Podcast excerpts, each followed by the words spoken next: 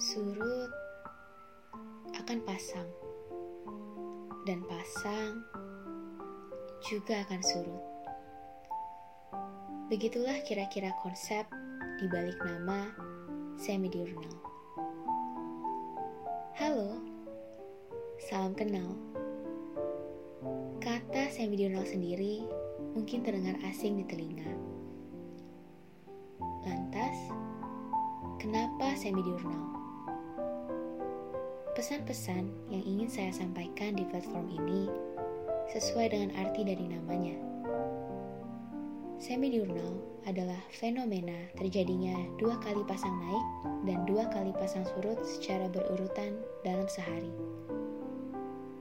Saya ingin kalian sadar that everything is temporary.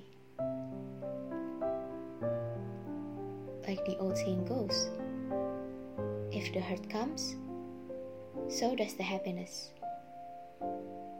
Akan ada momen surut dalam kehidupan, tetapi akan ada kalanya surut tersebut kembali pasang. Ketika pasang, go live like there's no tomorrow.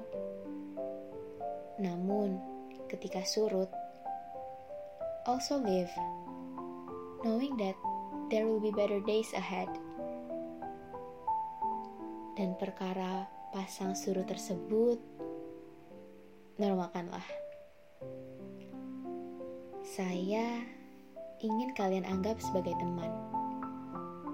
Meski saya tidak selalu ada dalam setiap bab kehidupan kalian, tapi niscaya tulisan-tulisan dan jejak suara ini akan selalu abadi dan hadir untuk kalian.